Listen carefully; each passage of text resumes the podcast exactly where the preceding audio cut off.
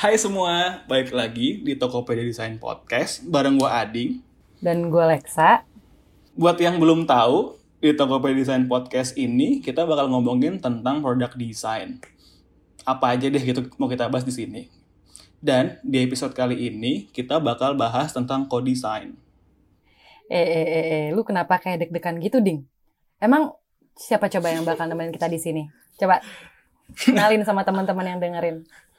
Apa kagak gue biasa aja. iya. Jadi gini, kita bakal ngobrol sama salah satu desainer cewek yang ada di Tokopedia, Lex. Jadi, uh, jagoan siapakah juga dia? tuh. Jagoan siapa dia. Lex? Oke, oke, oke. Please welcome Sonya. Halo semuanya. Hai, hai. Halo hai Hai. guys. Yang hari ini udah dengerin gue chop-chop, uh, please dengerin 30 menit lagi ke depannya. Oke, tenang aja. Sebelum kita ngebahas tentang co-design nih, biar teman-teman yang denger juga lebih kenal sama Kak Sonya. Boleh dong cerita dikit latar belakang awalnya jadi desainer tuh gimana sih? Dan udah berapa lama di Tokopedia? Oke, jadi sebenarnya kalau uh, jadi desainer gue udah dari tahun 2008 ya. Jadi awal pertama kali gue uh, jadi desainer itu itu uh, sampingan untuk uh, jadi sambil gue kuliah sambil gue kerja waktu itu. Nah itu pertama kali gue kerja itu di agency uh, kayak uh, ya tahu kan kerjaan agency as a Yeah. graphic designer lah waktu itu Yeah, di yeah, tahun yeah. segitu. Hmm. Nah, terus eh, pas gue udah mulai kuliah sampai kayak ke eh, semester 5, terus udah nggak bisa part time lagi tuh karena udah banyak banget kayak dan kuliah gue kan art and design kan yang penuh dengan project dibanding teori gitu. Nah, udah udah nggak bisa yang udah nggak mungkin gue kayak ngambil part time lagi. Akhirnya gue eh, ambil part time yang lebih lebih gampang. Ya, akhirnya dari dari si gue quit lah dari si eh, Sky waktu itu dan gue pindah eh, jadi PA buat eh, fotografer Nicolin Patricia Malina waktu itu.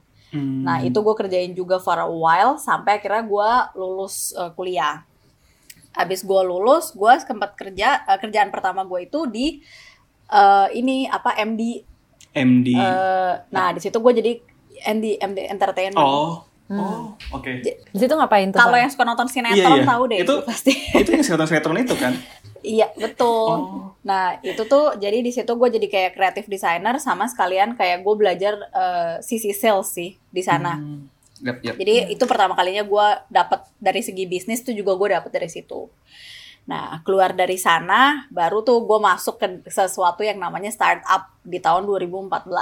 Hmm. Karena eh, nah tahun 2014 itu kan masih baru banget ya semuanya. Jadi startup juga baru sedikit banget, baru ada waktu itu ada Happy Fresh, gue kerja di Happy Fresh dan terus waktu itu kayak baru-baru mau Go- Gojek, terus waktu Uber dan kayaknya ada satu lagi atau apa gitu. Tapi baru bener-bener dikit banget gitu.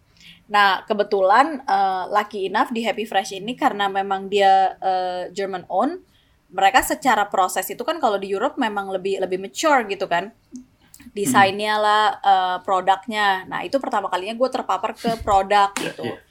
nah lead gue yang waktu itu itu eh, karena di sini talent produknya juga masih kurang Hmm. banget jadi dia kayak eh, dia eh, oke nih gue eh, gue ajarin lu gimana caranya produk build produk yang benar gitu nah dia juga bukan orang sini gitu waktu itu jadi gue sebenarnya belajar banyak banget gitu dari dia Sangkin banyaknya gue belajar, terus gue burn out.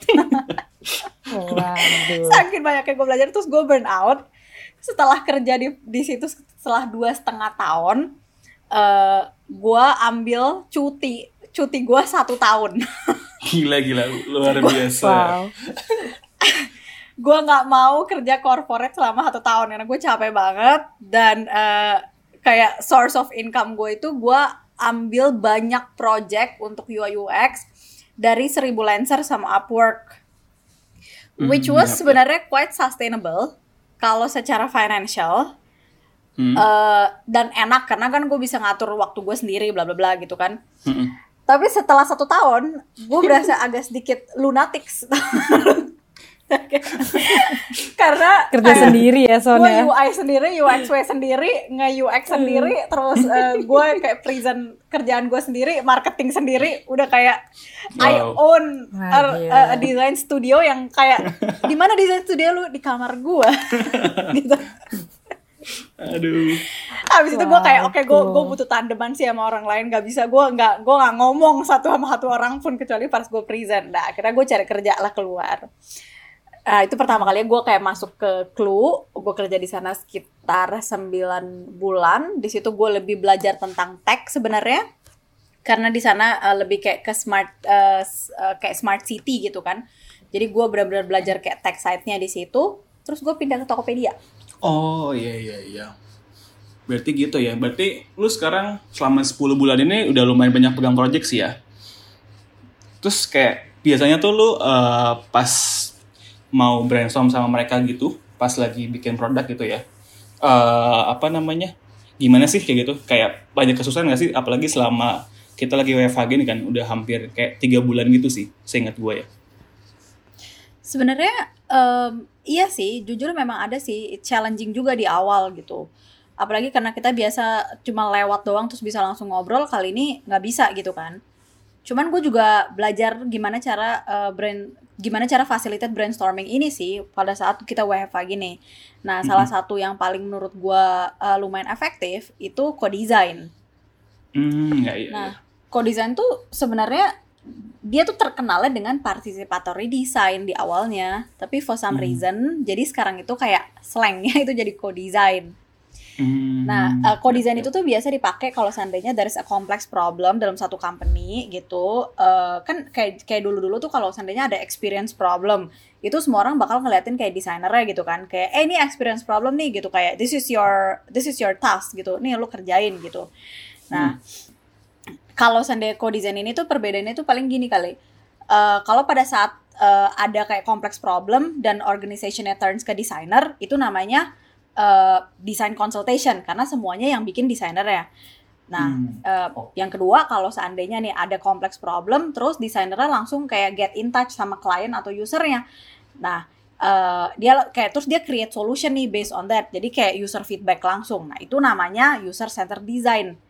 Nah, yang terakhir si co-design ini adalah pada saat ada problem, kita bawa semua multidisciplinary yang berhubungan sama projectnya itu, terus akhirnya kita brainstorm together di in one room, uh, or at the moment in Google Hangout. Hmm. Nah, kita cari uh, solution ya. Nah, itu kita sebutnya sebenarnya co-design gitu. Mungkin Oh, buat gue sendiri pertama kali belajar co-design itu, uh, gue baca sih sebenarnya dari buku gitu. Nah, itu dari uh, bukunya itu yang bikin Pixar, uh, Oh. Creative Inc. Nah, mereka tuh terkenal karena kan mereka tuh punya kantor everywhere in the world gitu kan. Hmm. Kayak gimana sih caranya mereka bisa tetap dapat stakeholdersnya itu uh, setuju dengan satu konsep film yang sama. Nah, mereka tuh pakai uh, konsep yang namanya brain trust. Nah, brain trust itu sebenarnya persis banget sih dengan co-design. Jadi mereka sit down in a room together, uh, mereka sampai oke kita akan solve complex problem. Mau itu requirement problem, expe- experience problem, tech problem, semuanya itu menjadi masalah semua orang gitu. Oke. Oke, berarti kalau gue lihat tuh bedanya di eh, apa ya? Bisa dibilang jumlah orang atau stakeholdersnya ya. Kalau pas brainstorm kayak gitu ya, si co-design-nya lumayan banyak, bukan banyak sih, lebih kayak hampir ngundang semua orang gitu ya berarti. Eh, semua yang berhubungan sama projectnya sih. Hmm, oke. Terus eh, sebenarnya selain dari situ ada lagi nggak sih bedanya sama yang kayak brainstorm yang ya kayak yang lain lah misalnya kayak kan sebenarnya kita udah kenal beberapa kayak tipe gitu kan kayak desain sprint segala macam gitu-gitu sih. Nah, bedanya itu adalah sebenarnya co-design ini isinya kan kalau brainstorm yang biasanya pasti kita isinya cuma desainer doang kan, kayak desain sprint. Itu isinya cuma desainer doang gitu. Nah, eh, kalau co-design ini co-design ini itu isinya nggak hanya desainer gitu. Nah, mereka tuh juga isinya tuh stakeholders, PM, tech, sama semua multidisiplin disiplin sorry, multidisciplinary lainnya yang ter- Hmm. yang ikut terlibat nih di projectnya dia gitu. Nah, eh, kalau sebenarnya di awalnya co-design itu tuh banyak banget dipakai pada saat dia service design sih. Karena eh, they believe Oh. kayak not to design what user wants, instead gitu kayak with user. Karena kayak apa yang si user bilang dia mau sama apa yang sebenarnya dia butuhkan itu beda gitu biasanya. Nah, co-design itu tuh membawa eh, orang lain yang menggunakan ini untuk desain bareng-bareng mereka gitu. mereka disebut stakeholders gitu. Nah, uh, stake who is the stakeholders? Ini stakeholders ini adalah orang yang punya ownership nih ke produknya. Uh, karena hasil dari co-design ini akan masuk ke dalam proses pengembangan si desainnya itu sendiri. Mungkin bedanya dengan uh, brainstorm yang lain itu adalah kalau kayak desainernya itu kalau biasanya lebih fokus ke dalam experience problem gitu dan only deliver kayak good pro good experience, kali ini mereka juga harus fokus dengan timelinenya. Mereka harus fokus dengan revenue streamnya. Produk gue ini diadop hmm, bakal diadop nggak yeah, yeah. ya gitu. Terus kayak value hmm. dari produknya. Sama jobs to be done dari si usernya sendiri gitu mungkin kalau dari PM atau dari stakeholders lainnya mereka akan lebih paham kayak gimana ya sebenarnya secara desainer gue kerja tapi kalau seandainya keuntungannya untuk desainernya sendiri itu mereka tuh lebih get like more understanding uh, sebenarnya product developmentnya itu gimana sih gitu terus kayak how-nya tuh gimana daripada instead mereka cuma duduk uh, dikasih requirement dan kita ngelakuin wireframe-nya doang gitu. Ah, oke okay, sih. So, jadi di co-design session itu tuh nggak cuma brainstorm designer PM aja ya, tapi mm -hmm. lebih rame dan role-nya tuh banyak yang ikutan. Nah, tapi menurut lo kapan sih waktu yang pas buat ngadain co-design? Soalnya kan stakeholdernya wah rame sekali. Iya sih, benar-benar. Mungkin kesulitannya adalah kita nyari waktu yang tepat nih sama di sama sama semua stakeholdersnya. Yet karena tadi stakeholdersnya adalah orang yang punya ownership ke produknya, jadi ya mereka mau nggak mau harus menyiapkan waktu untuk ini. nah, co-design ini tuh sebenarnya apa ya? Kayak menurut gue co-design ini bisa dipakai dari project yang kecil sampai project yang gede sih tapi pasti uh, impact co-design itu pasti akan sangat berasa kalau seandainya uh, kita mesti nyatuin banyak perspektif of idea and opinion dari banyak orang. Yang mana berartinya mungkin kayak end to end kita mesti banyak kerja sama kayak tribe-tribe lain kayak gitu-gitu. Jadi nyatuin semuanya. Kalau pada saat dia kecil pasti dia terpakai juga. Cuman kalau mau kerasa banget itu pasti pasti dia gede Nah, uh, co-design itu tuh uh, bisa juga dipakai untuk dapetin ide semua orang dari satu sketch. Contohnya kita bikin sketch gitu, terus kita nggak tahu nih kayak uh, ini udah ini udah oke okay belum ya end to end experience ya. Ajak aja semua orang ke dalam satu hmm. Google yang baru kayak oke okay guys, ini loh objektifnya. Yuk kita bikin sketch bareng-bareng menurut jadi menurut Ading gimana, menurut Lexa gimana, menurut gua gimana. Itu beda-beda gitu pastinya nanti hmm. ya, si ya, desainernya bisa cuma tinggal nyatuin doang gitu kan oh ini loh ini terbaiknya karena satu one mind is uh, sorry uh, ten mind is better than one mind itu udah pasti gitu kan hmm. oh nah di jadi yang nge-sketch itu tuh nggak cuman desainer doang ya tapi kayak semua role itu boleh ikutan tuh gambar-gambar crazy eight boleh. atau hmm. apa gitu ah okay. jadi sebenarnya mereka Lalu sangat ya. membantu pekerjaan desainer sih jadi experience itu hmm. becomes everybody's problem, not designer's yeah, problem yeah, yeah. ya by the way. nah, tuh. kayak di co-design ini tuh semua orang, nah mungkin uh, perbedaannya gini kali ya. Terkadang kalau seandainya nih kita bikin, kita sebagai desainer, uh, kita bikin satu desain, terus kita tunjukin hmm. nih ke stake, stakeholdersnya gitu. Nah, desain itu kan it's all about taste ya kalau dipikir ya. Hmm. kayak yang gue suka belum tentu lo suka gitu. Mungkin nggak hmm. belum tentu si stakeholdersnya itu juga suka gitu. Nah akhirnya uh, pasti kita binded untuk dengerin stakeholdersnya kita. Udah pasti gitu kan. Kayak gue nggak suka ini. Oh oke okay, oke okay, gue ganti gitu. Nah di co-design ini semua orang tuh equal. Bener-bener oh, equal. Yep. semua orang boleh punya idea opinion and it hold the same chance untuk didengar di saat yang sama gitu loh. Kayak uh, experience designer kayak requirement untuk stakeholders ya uh, si stakeholders bisa ngasih opinion tentang experience si designer bisa kasih opinion tentang requirements itu itu bisa karena semua orang itu hold the same responsibility and position untuk product developmentnya sendiri Nah, di sini nggak ada yang namanya kayak stakeholders lebih didengar, desainernya nggak lebih didengar, atau kayak ngejomplang yeah. satu another one gitu. Nggak nggak mungkin gitu. Karena sebenarnya uh, yang paling penting adalah map out dari stakeholdersnya sendiri. Nah, setiap stakeholders itu are known to bring their own expertise. Udah pasti ke dalam uh, sesi ini gitu kan. Hmm. Uh, nah, pada saat kita ngegabungin nih semuanya, pasti kitanya akan dapat knowledge untuk sebagai kayak knowledge user, knowledge secara creativity, terus knowledge experience-nya sendiri, terus knowledge limitation udah pasti. Apa sih yang kita nggak bisa kerjain sebenarnya gitu. Jadi yang pasti resultnya pasti gabung, produknya akan inovatif, praktikal, sama relevan sih. daripada yang yang pastinya udah pasti banget nggak mungkin one single person mau Einstein pun nggak mungkin bisa pikiran sampai sejauh itu gitu lu nggak bisa yang Ah, namanya iya, multi iya. expert Cool, cool, cool. Ya, itu penting banget sih kalau gimana caranya kita bisa ngerasa um, nggak cuman kepentingan satu fitur kecil, tapi setiap role tuh, tuh juga bertanggung jawab ya sama uh, tanggung jawab sama problemnya juga yang harus di solve tuh kayak gimana. Nah, pertanyaan gue dari tadi lu sebut stakeholder, stakeholder tuh dari tadi itu siapa aja sih? Lebih detailnya. semua orang yang yang yang dapat paycheck dari produk ini Oh, I see. Nah, kan Nah. setiap itu berarti kan bisa banyak banget kan? Kayak aduh, lu nentuinnya gimana tuh stakeholdernya yang untuk berpartisipasi? Nah, jadi Iya. kalau nentuin stakeholdersnya itu tuh biasanya kalau eh, mungkin kalau at the moment di Tokped kayak eh, karena gue fasilitas jadi gue ngerjain sendiri kan. Cuman Hmm. mungkin advice juga buat Waduh. kayak kalau yang mau bikin ini supaya ngerti ini stakeholdersnya itu kayak apa. Biasanya kita eh, tahu dulu kan, oke produk yang mau kita bikin itu apa sih gitu kan. Eh, oke kita mau bikin feature ini atau produk ini gitu. Nah kita harus map out stakeholdersnya dari yang punya produk, dari yang bakal ngedesain produknya, dari orang yang bakal bikin keputusan buat produk ini, siapa marketingnya, terus eh, Mhm. siapa yang bakal kasih eh, product knowledge-nya keluar, siapa yang bakal bikin apanya nih kayak eh, mungkin SEO-nya kali.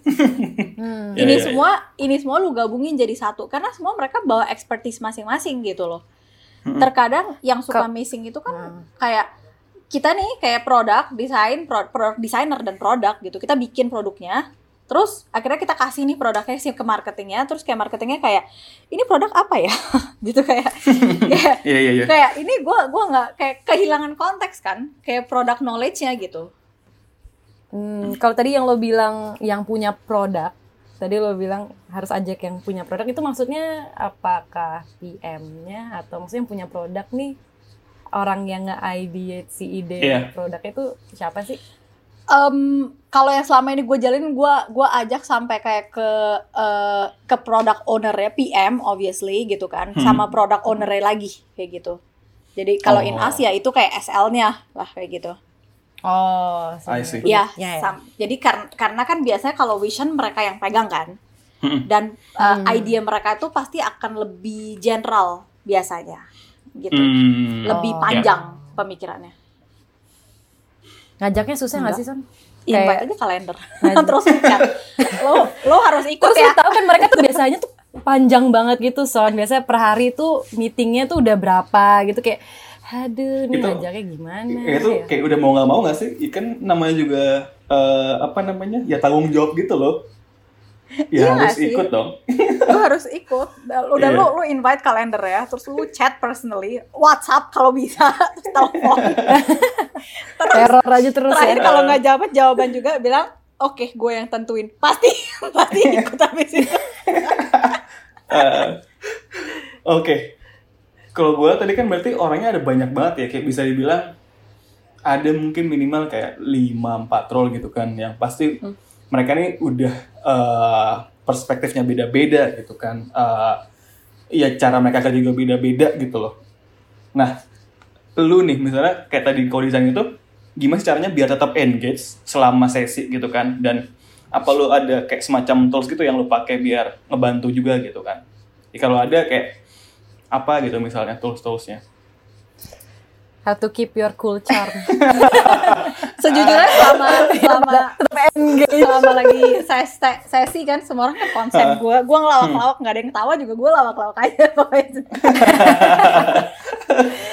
Iya takut basi gak Nah sih? sebenarnya kok- kalau satu yang dari gue pelajarin banget ya dari gue bikin co-design ini selama kita WFH, Hah? co-design ini tuh eh, jitu banget buat balancing the room gitu. udah udah lama gue nggak dengar kata-kata jitu Dia tuh jitu banget pokoknya buat balancing the room. Karena kayak mau lu pendiam kayak mau lu loud kayak doesn't matter. Semua orang akan mute ininya mute Oh iya, bener sih. Dan dia akan boleh nulis gini boleh nulis apa pun yang dia mau pokoknya di boardnya gitu. Nah kalau seandainya untuk toolsnya sendiri biasanya nih buat gue sih personally gue uh, suka Miro sih. Hmm ya ya. Nah Itu. menurut gue uh, kayak lu bener-bener kayak at the moment sih Miro tuh cukup gitu untuk fasilitate ini Nah, yang yang lebih Hmm. pentingnya lagi, yang kebetulan yang terjadi di tempat kita itu adalah semua orang itu kan under the same mirror kan. Mm-mm, ya Iya. Jadi Ba- sama sama banyak sama banget semua. dong Mau SL, mau associate designer kayak namanya sama pokoknya. Jadi, namanya Tokopedia jadi semua orang balance. kita kita jadi buka rahasia-rahasia gitu nih itu adalah sebuah itu kenyataan itu yang tidak balancing yang bagus ya. Gue yakin iya, iya. Nana bangga nih. iya sih, ada ternyata ada keuntungannya juga Iya, ya. iya, kesulitannya mungkin kesulitannya tuh sedikit yang gue rasain itu mungkin kalau pada saat eh, tiba-tiba yang yang nulisnya itu mungkin kayak dia nulis kayak kebiasaan dia nulis gimana di di eh, apa post-itnya. Terus kita nggak ngerti terus kita nanya kan ini ini tadi siapa yang ngomong? Tuh beneran beneran balance Nggak ada yang- Ah, aduh gua kayak guys ini nggak dijudge loh nggak apa-apa bilang aja. Tetap anonymous Eh, aduh aduh. Kayaknya seru sih ya Cuman in case sih, in case kalau seandainya nggak punya Miro, terus kayak mau Hmm. pakai yang lain, kayak mural atau kayak concept board, ya boleh juga sih. Gua sih personally Hmm. mungkin lebih Hmm. lebih prefer Miro karena Iya, iya. kita kan pakai Miro. iya iya Ada ada yang free tuh, apa? Google Aduh, itu Jamboard. Iya. kenapa tuh? Kenapa tuh? Oke, si Itu gue jelek. pernah sekali pakai Jamboard sih, tapi ya emang nggak se powerful Miro sih, Lex kayak ya terbatas Hmm. banget gitu loh. Walaupun cepet ya, karena Miro kan mungkin karena udah udah apa ya bisa dibilang lengkap banget jadi lumayan agak-agak lama sih kalau gue lihat loadingnya. Emang nggak tahu apa internet gue kali yang bermasalah. Gue malah melihatnya kebalik kayak si si apa Google Hmm. Oh, iya? Jamboard itu loadingnya tuh lama banget malah di tempat gua. Udah gitu Oh, kan iya live-nya kan nggak bisa live kan. Kayak live-nya tuh Live live Nggak dia bisa tahu. Bisa. it gua Tapi loadingnya lama emang. Oh, iya? Gue kemarin copy paste foto juga lama banget. Oh, Iya. ya kayak kalau di Miro tuh gue bisa masukin kayak kayak bahkan ya kalau pas mau co-design gini gue akan masukin kayak Mm-mm. script co-designnya kayak objektifnya apa gue tulis semuanya karena kan Hmm. dia kan kanvas gede banget kan yang bisa kita kayak geser-geser Ah, iya. gitu jadi ya udah pas present pakai kanvas itu aja satu gitu nggak nggak pindah sana pindah sini pindah sana kayak gitu Hmm, see. Berarti tempat yang luas itu ya yang penting. penting banget Lex karena biasa di ruangan besar sekarang cuma Oh, satu iya. laptop Iya, gitu doang sekarang kayak iya on screen. Aduh. sekarang infinite screen cuman depan Terus, layar terus, kecil 15 inci gitu doang. cuman lu Good bebas taruh di mana-mana. iya good enough Nah, oke. Eh, yang tadi lu udah cerita tentang apa namanya eh, biar mereka tetap engage gitu ya. Kan pasti selain dari tools yang lu pakai gitu kan, eh di awal-awal pasti lu yang atau sih mungkin lu atau siapa gitu ya kan udah ngeset ob- objektif nih. Nah itu misalnya gimana sih cara lu set objektifnya itu di depan awal-awal? Bareng-bareng kah? Atau misalnya ini dari PM doang atau gimana gitu kan? Karena ini kan emang kerjanya kerjaan bisa dibilang bukan kerjaan sih maksudnya ini responsibility semua yang ada di sana gitu kan. Ya itu gimana cara lu ngeset atau siapa pun ngesetnya itu di awal-awal gitu Nah, biasanya sih kalau dari objektifnya sendiri nih, tiap kali kita mau ngerunning satu co-design, berarti kan kita udah punya tematik konsepnya kan. Itu udah pasti lah gitu kayak you know what you wanna do sebenarnya. Nah, um, either tematik konsep atau ya ya problemnya sendiri ini udah ada gitu. Nah, biasanya gue suka minta kayak product owner-nya untuk siapin satu dokumen. Yang mana dokumennya itu isinya draft vision lah, kayak eh, oke guys, kita di sini itu karena apa gitu kan. Jadi dia udah nulis dulu lah kayak eh, apa nih gue mau bikin ini bla bla bla bla bla bla bla kayak gitu. Nah, eh, nah abis itu si dokumennya ini biasanya gue minta dia buat nge-share at least mungkin H minus tiga lah gitu minimum gitu kan. iya iya kayak H minus tiga lu share dulu ke gue gitu Eh, atau kayak kita share ke semua lah ke semua stakeholdersnya gitu. Soalnya kan ya expert juga butuh butuh Iya. buffer time gitu Iya. buat mikir Butuh kan. Butuh konteks juga sih iya iya kebayang untuk gua. kayak mikir lu Google dulu apa ya ini gimana terus kayak benchmark dulu nih ke tempat Iya. lain gitu loh karena Hmm. kenapa kayak kena, kenapa gue minta H minus 3 biasanya karena biasanya di hari H itu Hmm. tuh eh, kita akan fokus ke generate questions Ya. gimana cara ngelakuin ya sama kita Hmm. bakal fokus ke nyari solusinya dulu gitu Hmm. bukan kayak pas di di co-designnya lu baru google googlean gitu tau kan kayak enggak Iya, iya, iya, iya. Iya, iya. Nah, eh, nah di hari H itu biasanya nih pas sampai nih di hari H, udah nih semua Hmm. udah baca apa hari H-nya 15 menit pertama gua akan opening bla bla, halo guys bla bla bla bla gitu udah. Nah, abis itu em abis itu ya ini nih gue bilang oke ini gue bakal minta produk ownernya buat eh, brief dulu kayak 15 menit di awal paling lama kayak oke walkthrough dulu ini tuh apa gitu tau kan. Eh, terus kayak oke kenapa kita di sini konsepnya itu apa gitu. Nah dia jelasin dulu semuanya baru abis itu gue take over. Eh, nah di situ bakal langsung kelihatan tuh kayak outputnya itu apa karena outputnya pasti akan diikat ke timeline tergantung dari timeline outputnya itu apa atau langsung dari resources yang kita punya gitu kayak Hmm. oh tim kita cuma lima nih apa yang bisa kita deliver gitu untuk Iya, iya, iya. I don't know tiga bulan ke depan gitu Hmm. seandainya Eh, kayak gitu sih biasanya Oke, nah kan sekarang kita lagi work from home nih. Menurut lo brainstorm pakai co-design ini malah nyusahin atau malah mempermudah? Eh, menurut gue sebenarnya eh, mempermudah sih karena tadinya jujur waktu pertama kali baru WFH tuh gue sempet stres nggak tahu gimana caranya buat ideation Waduh. lagi jadi pertama kalinya mesti Hmm. ngerunning co-design ini gue inget banget gue kayaknya ke semua orang bilang aduh gue stres banget ini gimana nih gue ngerunning co-design ini?" karena bener-bener pertama kali banget kan Aduh. tapi ternyata setelah dicobain malah Hmm. kayaknya even though abis ini kita masuk lagi nih itu em, Hmm. Gue akan tetap ngerunning co-design ini pakai ini remote. Jadi di meja masing-masing aja. Nggak apa-apa. Kita tetap runningnya remote. Jadi lo prefer co-design lewat laptop nih daripada langsung pakai sticky notes di tempel-tempel di Eh, tembok? mungkin buat gue iya. Atau gimana? karena eh, jujur lebih gampang balancing room ya Hmm, sih. Ada tips and triknya nggak tuh biar nggak pusing? Hmm, Karena akhirnya lo berhasil kan nih. lah ya ini masih on progress nih Lex sebenarnya. Gue masih banyak belajar sih. Tapi ya at least eh, mungkin gini.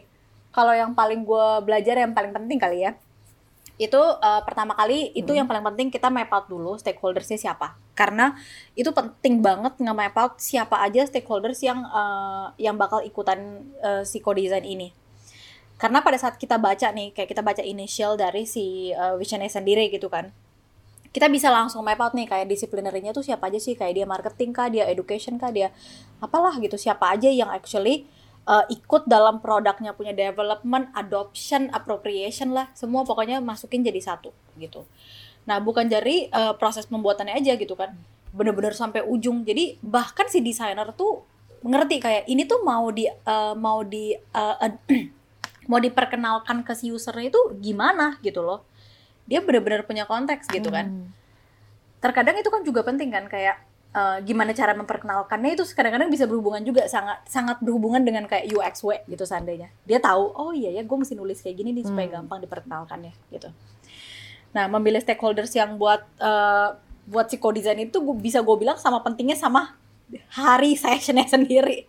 Sepenting itu gitu nah setelah itu tuh eh, Oke. setelah kita em, grup nih siapa aja nih orang-orangnya yang ada di sini baru nih kita kirimin mereka kayak draft dari si visionnya itu at least lah 2-3 hari tadi yang kayak gue mention sebelumnya kayak gitu jadi mereka juga bisa baca gitu Mm-mm.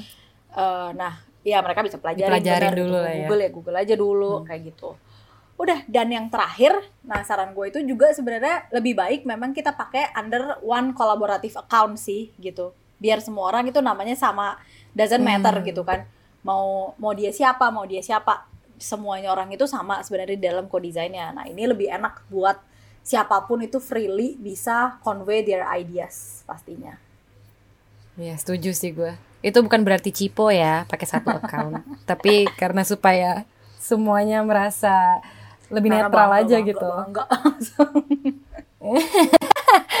iya nih. Kakak Karina Nana nih, seneng nih dia pakai satu account. Seru juga sih denger bahasa lo tadi. Menarik sih, menarik. Berarti kalau dilihat-lihat sih, si co-design ini nggak cuma buat kita nih, maksudnya kan as a karyawan di sebuah korporat gitu kan. Berarti juga buat uh, orang-orang di luar sana yang mau freelance gitu kan atau yang udah jadi freelancer gitu bisa dibilang gitu kan. Iya sih. Hmm, ya ya ya ya. Ini juga bisa buat Kayaknya semua nih- orang sih. Nggak nggak cuma buat Oke. corporate slave kok, tenang aja. Ini buat se- buat, buat segala jenis freelancer juga.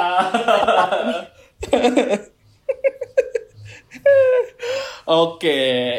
Karena materinya kayaknya udah makin seru nih. Gimana kalau gua potong sekarang aja deh, biar pada kentang dengerinnya. Jadi, kayaknya nextnya buat bahas tadi case-nya, kita bakal di next episode Setuju. gimana Lex?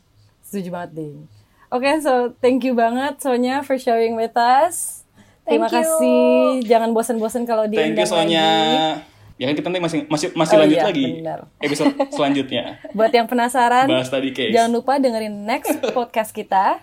We'll be back on the next episode, so stay tuned and stay curious. Bye. Bye. Bye Thank semua. Bye. Thank you, thank you.